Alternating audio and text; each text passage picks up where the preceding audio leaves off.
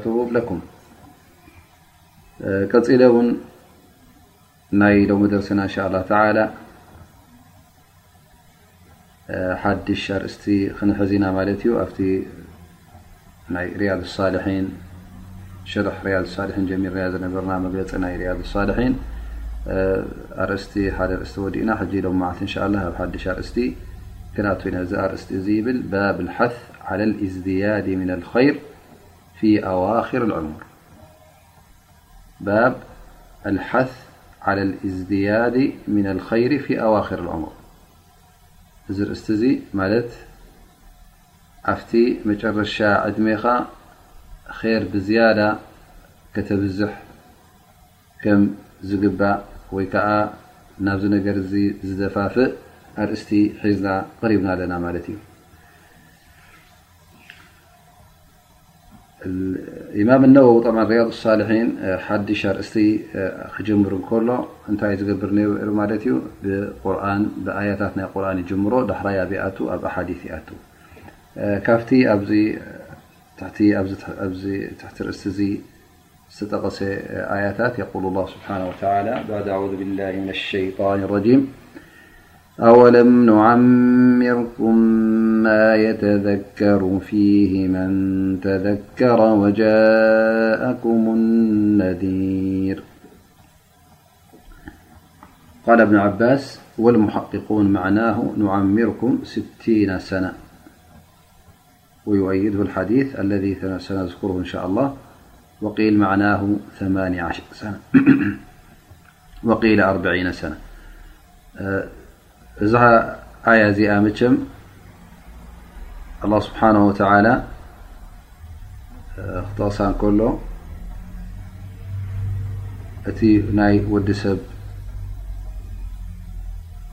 ዕድመ ንገዛእ ርእሱ ኣብዛ ኣዱንያ እዚኣ ክትነብር እንከለኻስ ንገዛእ ርእሱ እቲ እትነብሮ ዕድመ ሓደ ዓብ ዕድል ከም ምኳኑ ትጠቅስ ማለት እዩ ዝኾነ ኮይኑ ወዲ ሰብ እውን እቲ መጨረሻ ዕድሜኡ ማለት ኣብቲ ቀቅድሚ ሞቱ ዝርከብ እዋን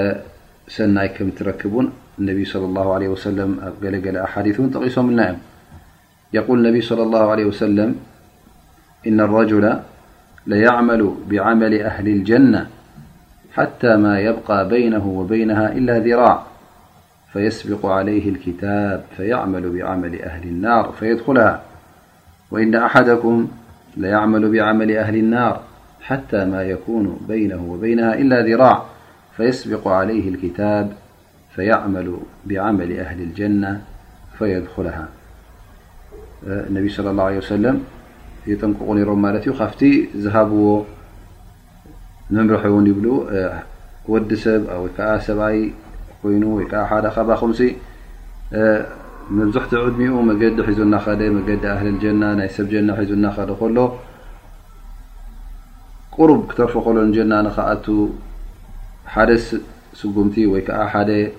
እመት ክተርፎ እንከሎ እዚ ሰብ እዚ ካብ መንገዲ ይወፅእ እሞኒ ስራሕ ናይ መን ይሰርሕ ናይ ቶም ሰብ ጀሃንም ይሰርሕ እሞ ብሰንኪ ዘን ኣብ መጨረሻ ዝገበረን ተግባር ከዓ ንጀሃንም ንእሳተ ጀሃንም ይኣቱ ይብሉ ነቢ ስ ሰለም ገለገለ ሰባት ድማ ትሪኦም ምሉእ ዕድሚኦም ክዕንድሩ ኣብ ጌጋ ኣብ ገበን ምፍፃም የሕልፍዎ እሞ ግን ኣብ መጨረሻ ድማ እታ ረቢ ዝኸተበሎም ናይ ሰላሕ ናይ ቶባ ይራኸቡላ ኣብ መጨረሻ እውን ቶባ ስለ ዝበሉ መገዲ ስለ ዝሓዙ እታ ጀሃንም ሓንቲ ስጉምቲ ወይ ከዓ ሓንቲ እመተሪፋታ ዝነበረት ብሰንኪ ተዋ ምባሎም ንጀና ውን ይኣትዉ ወነቢ ስለ ላ ሰለ ን ካብቲ ዝብልዎ ዝነበረ ዱዓ እንተዳርእና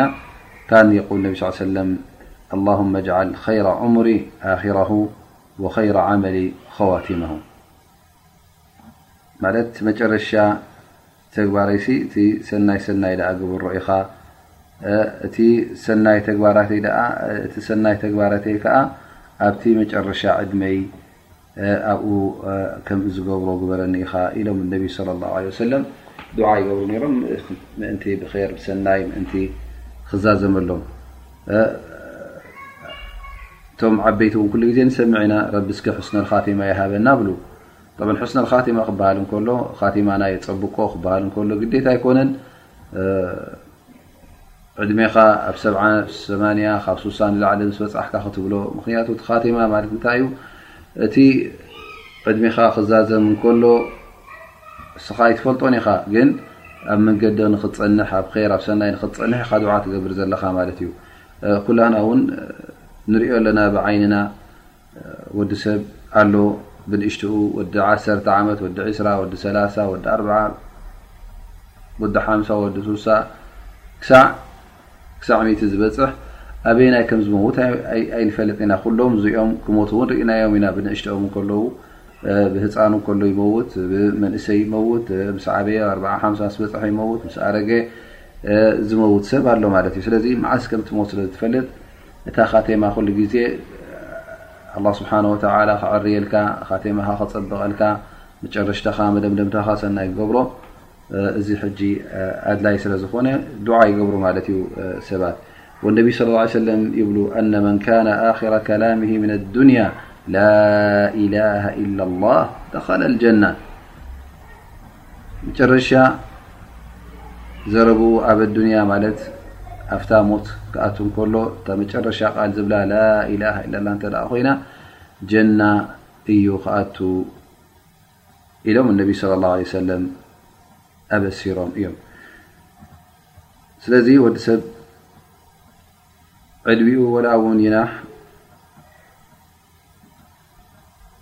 ወላ ውን መንእሰይ ይሃሉ ኩሉ ግዜ ሰናይ ተግባር ክጋደፍ የብሉን ኩሉ ግዜ ሰናይ ተግባር ከብዝሕ ኣለዎ ከዘውትር ኣለዎ ኣ ከምቲ ዝበልናዮ ኣበይ ከም ዝመውት ኣበይነይቲ ሰዓት ኣበይነይቲ መዓልቲ ኣበናይ ቦታ ኣበይናይ ግዜ ኣይፈልጥን እዩ ኣላ ስብሓን ወተላ መዓስ ከም ዝወስዳ ነዛ ሩሕካ ስለ ዘይትፈልጣ ኩሉ ግዜ ተዳሊኻ ክትፀንሕ ኣለካ ድሉ ክትከውን ኣለካ ምክንያቱ ናብ መንገዲ እተ ፀኒሕካ ኣብ መጨረሻ ንጀና ንክትኣት እወ ምናልባሽ መብዝሕቶም ቶም ዕድመ ዝሰጎመ ንሞት ተቐራሪቡ ኢልካ ትሪኦ ትኸውን እዚ እውን ብብዝሒ ይረአ ይኹን ዳኣ እምበር ግን ግዴታ ኣይኮነን ዓብይ ክመውት እቲ ንእሽተይ ከዓ ክተርፍ ኣሎ ግዜ ንእሽተይ ዝሞተሉን ዓብይ ዝፀንሓሉን ኣሎ ማለት እዩ ላኪን ዕድሚኡ ወዲ ሰብ መዓስ ከም ምዃና ከምዝበልናዮ ስለ ዘይፈልጣ ኩሉ ግዜ ድሉ ክኸውን ኣለዎ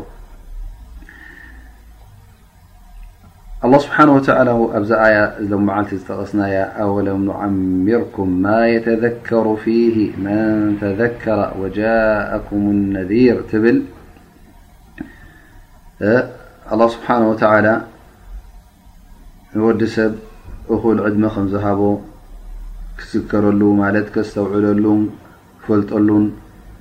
ክዳለወሉን ዝኽእል ማለት እዩ እዚ ዕድመ እዚ ድማ እቶም ሙፈስሪን ቁርን ዝፈሰሩ ክዛረብሩ ከለዉ ገሊኦም ሱሳ ዓመት እዩ ይብሉ ገሊኦም ከዓ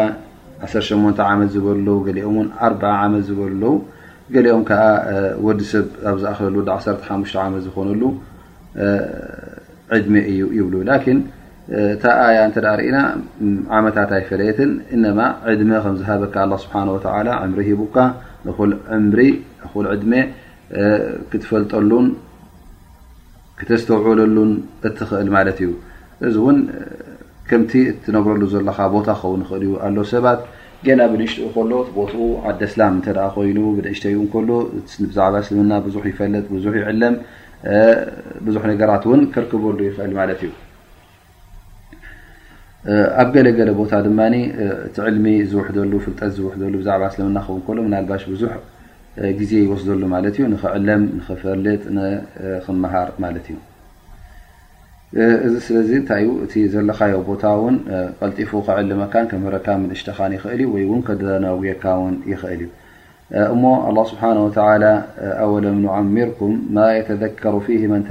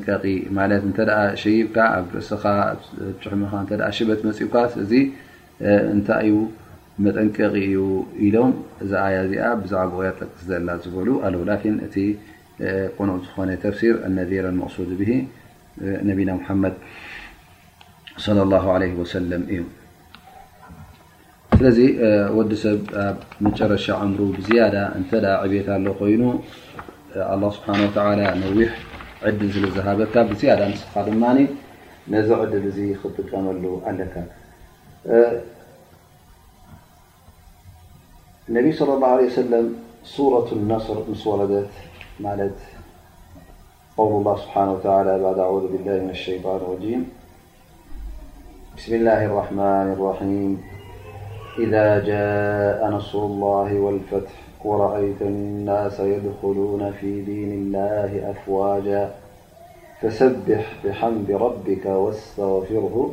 ኢነሁ ካነ ተዋባ እዛ ሱራ እዚኣ መቸም ሱረት ነስር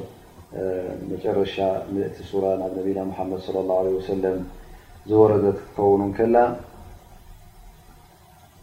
ናታ ፍልይ ዝበለ ተረድኦ ኣለዋ ማለት እዩ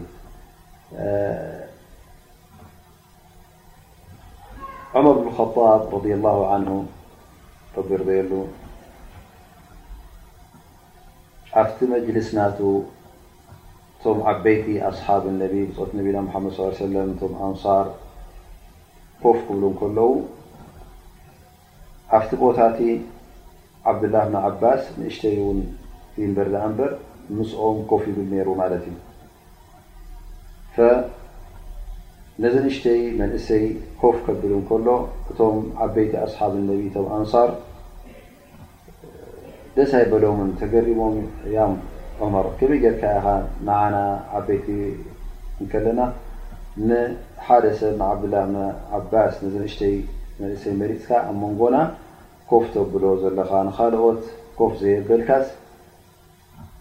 እንታይ ማለትካ እዩ ኢሎም ሓቲቶም ማለት እዩ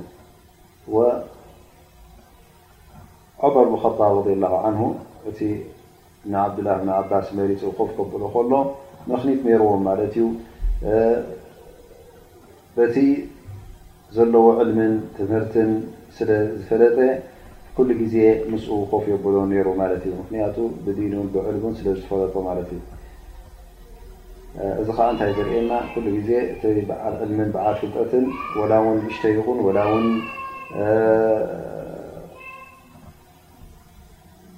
ኣቦታትን ዓበይትን ይሃልው ደኣ እምበር ቦትኡ ክሕሎ ከም ዘለዎ ማለት እዩ። እቲ ዝያዳ ክብረትን ልዑልነትን ዝበካ ዕልምን ፍልጠትን ከም ምዃኑ ይሕብረና ማለት እዩ። ዝኾነ ኮይኑ ዑመር ብን ኸጣብ ይብሎም ኸላስ ስለምንታይ ምሳና ኮፍ የብሎ ከም ዘለኹ ከርእየኩም እየ ኢሉ።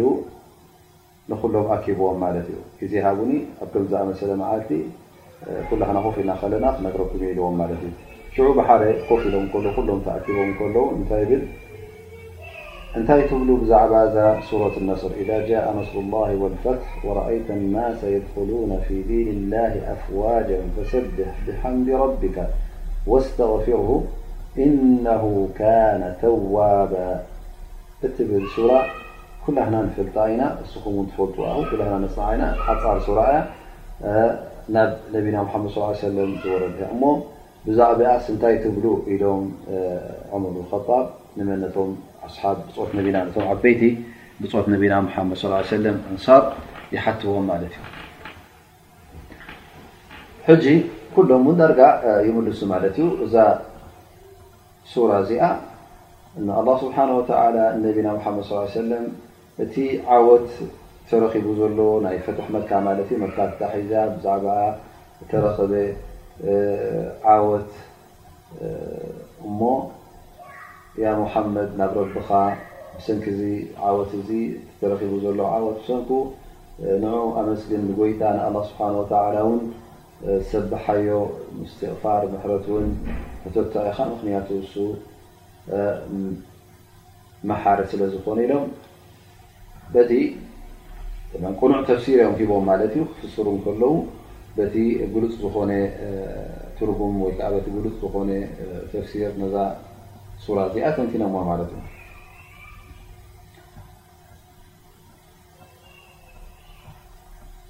ሽዑ ንዓብዱላህ ብን ዓባስ ግልፅ ኢሉ ያ ዓብዱላህ ብን ዓባስ እንታይ ትብል ስኻ ብዛዕባ ሱራ እዚኣ ኢሉ ይሓቶ ማለት እዩ ኸሊፋ ዑመር ብን ኸጣብ ይብል ያ ዑመር ያ ኸሊፈተ ረሱላ ኣነ እዛ ሱራ እዚኣ ካብቲ ዝርድኦ ካብኣስ ንዓይ ማለት ነቢይ ስለ ላሁ ዓለይሂ ወሰለም ዕድሚኦም ከም ዝቐረበ ዕድሚኦም ከም ዝተኣኻኸለ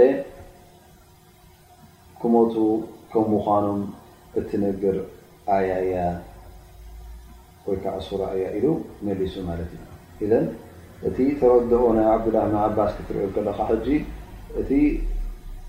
ቀጥታዊ ወይ ከዓ እቲ ናይ ቀጥታ ተፍሲር ናታ ኣፅኒዑ ብዝያዳ ካልእ እንታይ ተሰኪማ ከምዘላ እንታይ ትርጉም ተሰኪማ ከምዘላ እዛ ሱራ እዚኣ ይሕብር ማለት እዩ ምክንያቱ እዛ ሶላት እዚኣ እንታይ እያ ትብል ዘላ እንተ ያ ሙሓመድ ያ ረሱላ ላ ርኢኻዮ ኢኻ እቲ ዓወት ናይ ፈትሒ መካ ኩሉ ተረኪቡ ዘሎ እቲ ንዓኻ እቲ ንስኻ ዝግብኣካ ፈፂምካ ኢኻ እዛ ጃእ ነስሩ ላ ወልፈትሒ ኩሉ እቲ ዓወት እቲ ናይ እስልምና ምዙር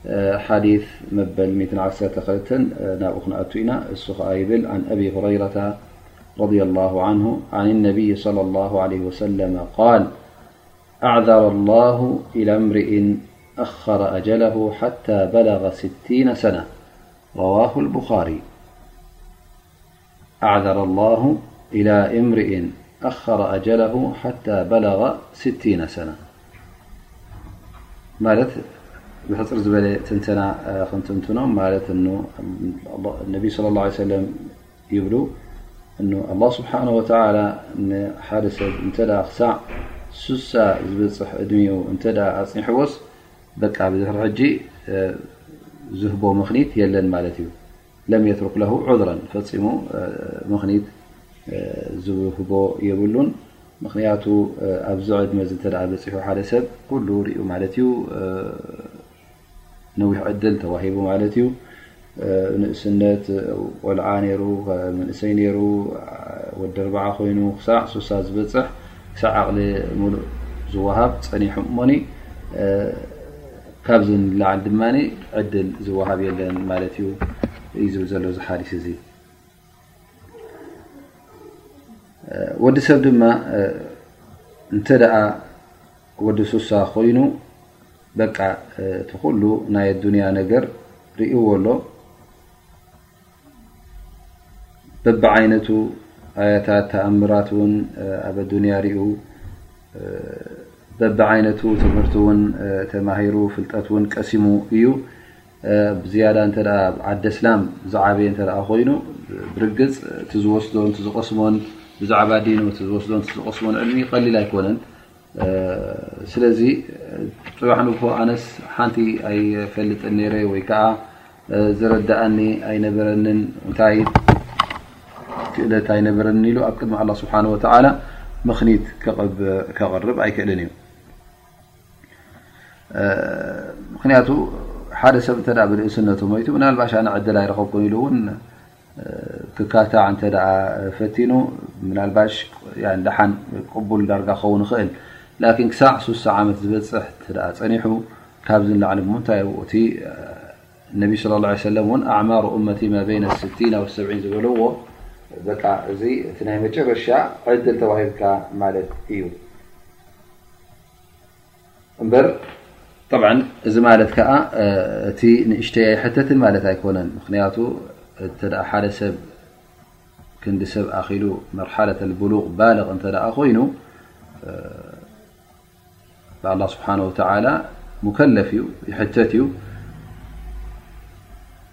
እቲ ኣብ ቁርን ዘሎን ኣብ ሱና ዘሎን እቲ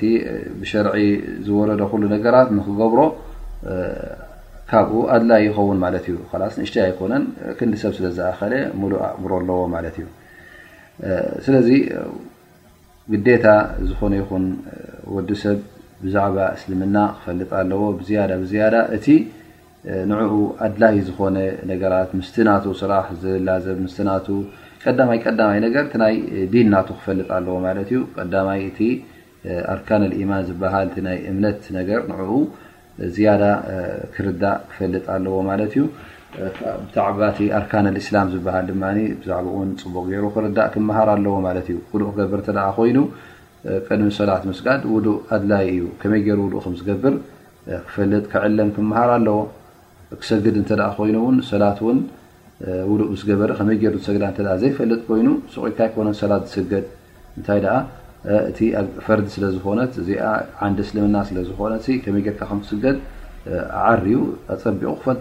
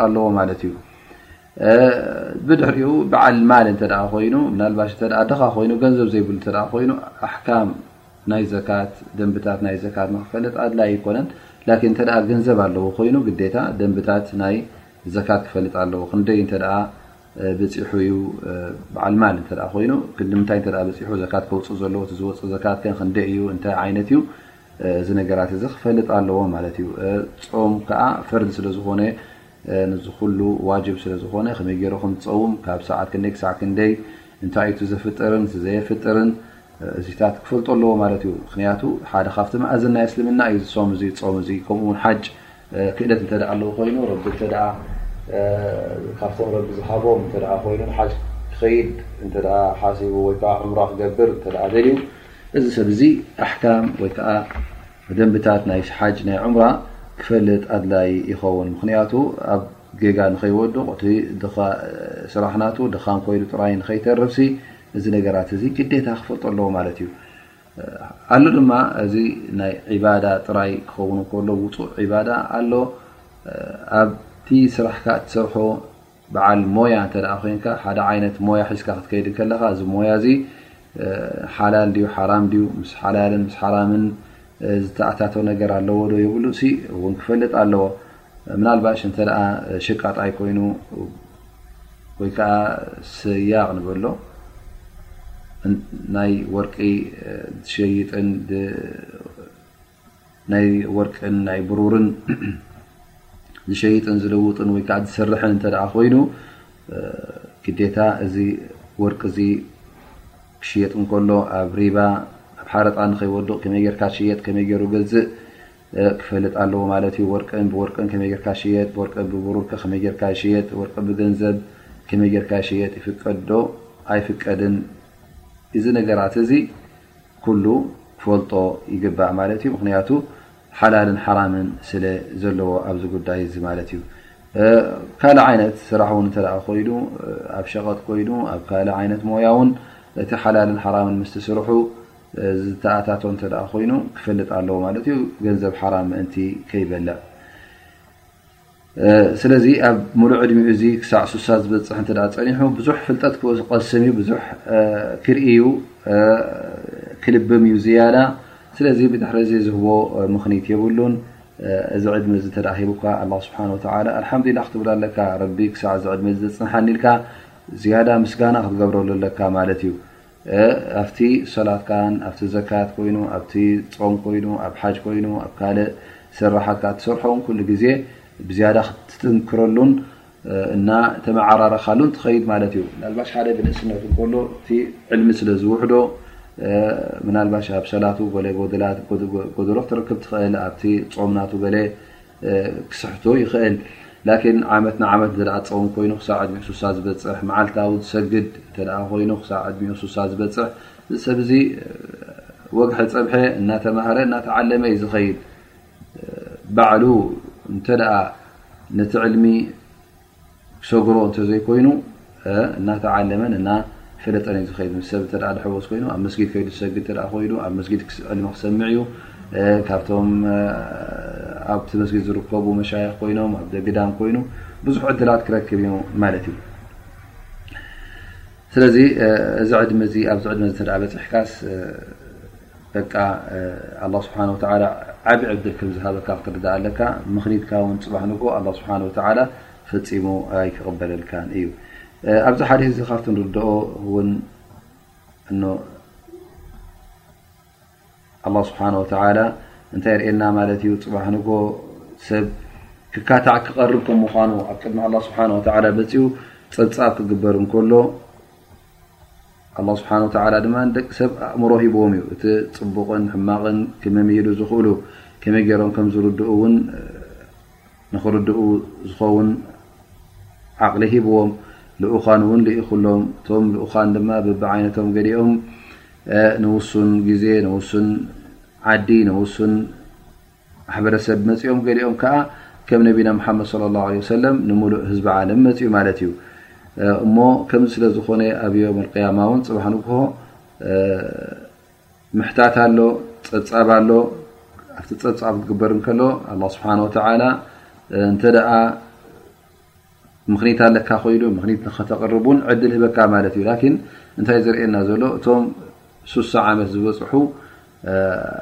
ኣላ ስብሓን ወተላ ሙሉእ ዘይጎደል ዕድል ከም ዝሃቦም እሀ ኣብዚ ሓዲስ እዚ ጠቕሰላ ኣሎ እሞ ንሕናስ እኹል ግዜ ተዋሃበናን ዝብል ምኽኒት ናቶም ቅቡል ከም ዘይኮነ እዩ እሀ ነቢና ምሓመድ ለ ላ ለ ሰለም ዝነግሩና ዘለዉ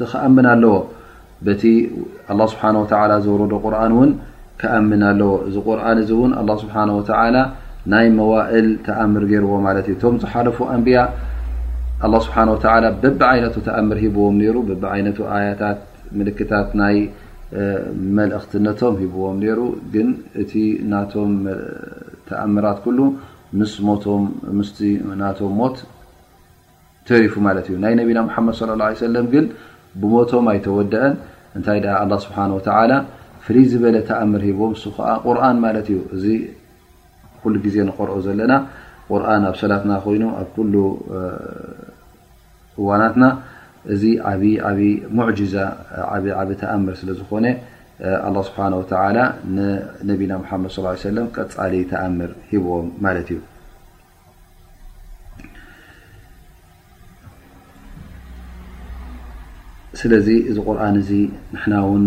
ክንግደሰሉ ኣለና ማለት እዩ ካብኡ ክንጥቀም ኣለና ምክንያቱ እንተ ነዚ ቁርን እዚ ተማሂርናዮ ተዓሊምናዮ ትርጉሙ ፈሊጥና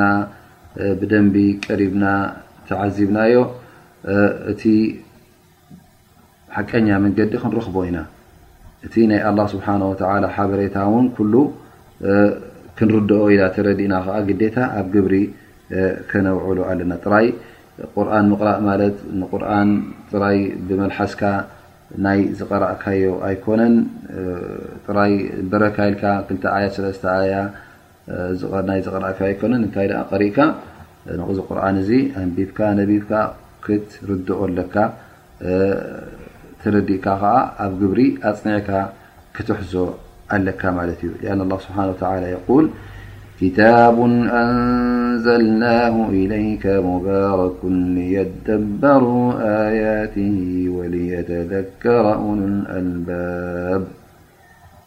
ንነቢና ሙሓመድ ሰለላሁ ዓለይሂ ወሰለም ይብሎም ኣለዉ፣ ኪታቡን ኣንዘልናሁ ኢለይክ፣ እዚ ቁርኣን እዚ ክታብ እዚ ናባኻ ኣውሪድናዮ ዘለኻ ናባኻ ኣውሪድናዮ ዘለና እዚ ክታብ እዚ ሙባረክ እዩ በረካ ዘለዎ እዩ ኣጅሪ ዘለዎ እዩ ሰዋብ እትረኽበሉ እንተቐራእካዮ ክወርድ እንከሎ ኸዓ ስለምንታይ እዩ ልየደበሩ ኣያቲ ምእንቲ ነቲ ኣያታት ናቱ ክዕዘቡ ክርድኡ ክፍህሙ ወልየተዘከረ ኡሉል ኣልባብ እቶም ልቢ ዘለዎም ልቦና ዘለዎም ከኣ ምእንቲ ነቲ ሓቂ ክዝክሩ ዘኪሮም ከኣ ናብ ሓቂ ንክምለሱ እቲ ቁርን ሒዝዎ መጺኡ ዘሎ ትእዛዛትን ደንብታትን ብእኡ ምእንቲ ቀጢሎም ንክኸዱ ናብኡ ንክምለሱ እዩ እዚ ቁርን እዚ ወሪዱ ዘሎ ስለዚ ቁርን ክወርድ እንከሎ ጥራይ ኣብ ከብሒ ይኹን ወይ ከዓ ኣብ ገዛኻ ኣብ መደቀሲኻ ንኸተቐምጦ ንኽትሪኦ ኣይኮነን ጥራይ ኣምፂእካ ድማ ወላ ካብ መጀመርቱ ክሳዕ መጨረሽትኡ ናይ ዝቐራእካዮ ኣይኮነን እንታይ ደኣ ቀሪእካ እቲ ኣብኡ ሰፊሩ ዘሎ ንዓኻ ትእዛዛት ተዋሂቡካ ዘሎ እዚ ግበር እዚ ትግብር ዝብለካ ዘሎ ኣላ ስብሓን ወተዓላ ነቲ ትእዛዛት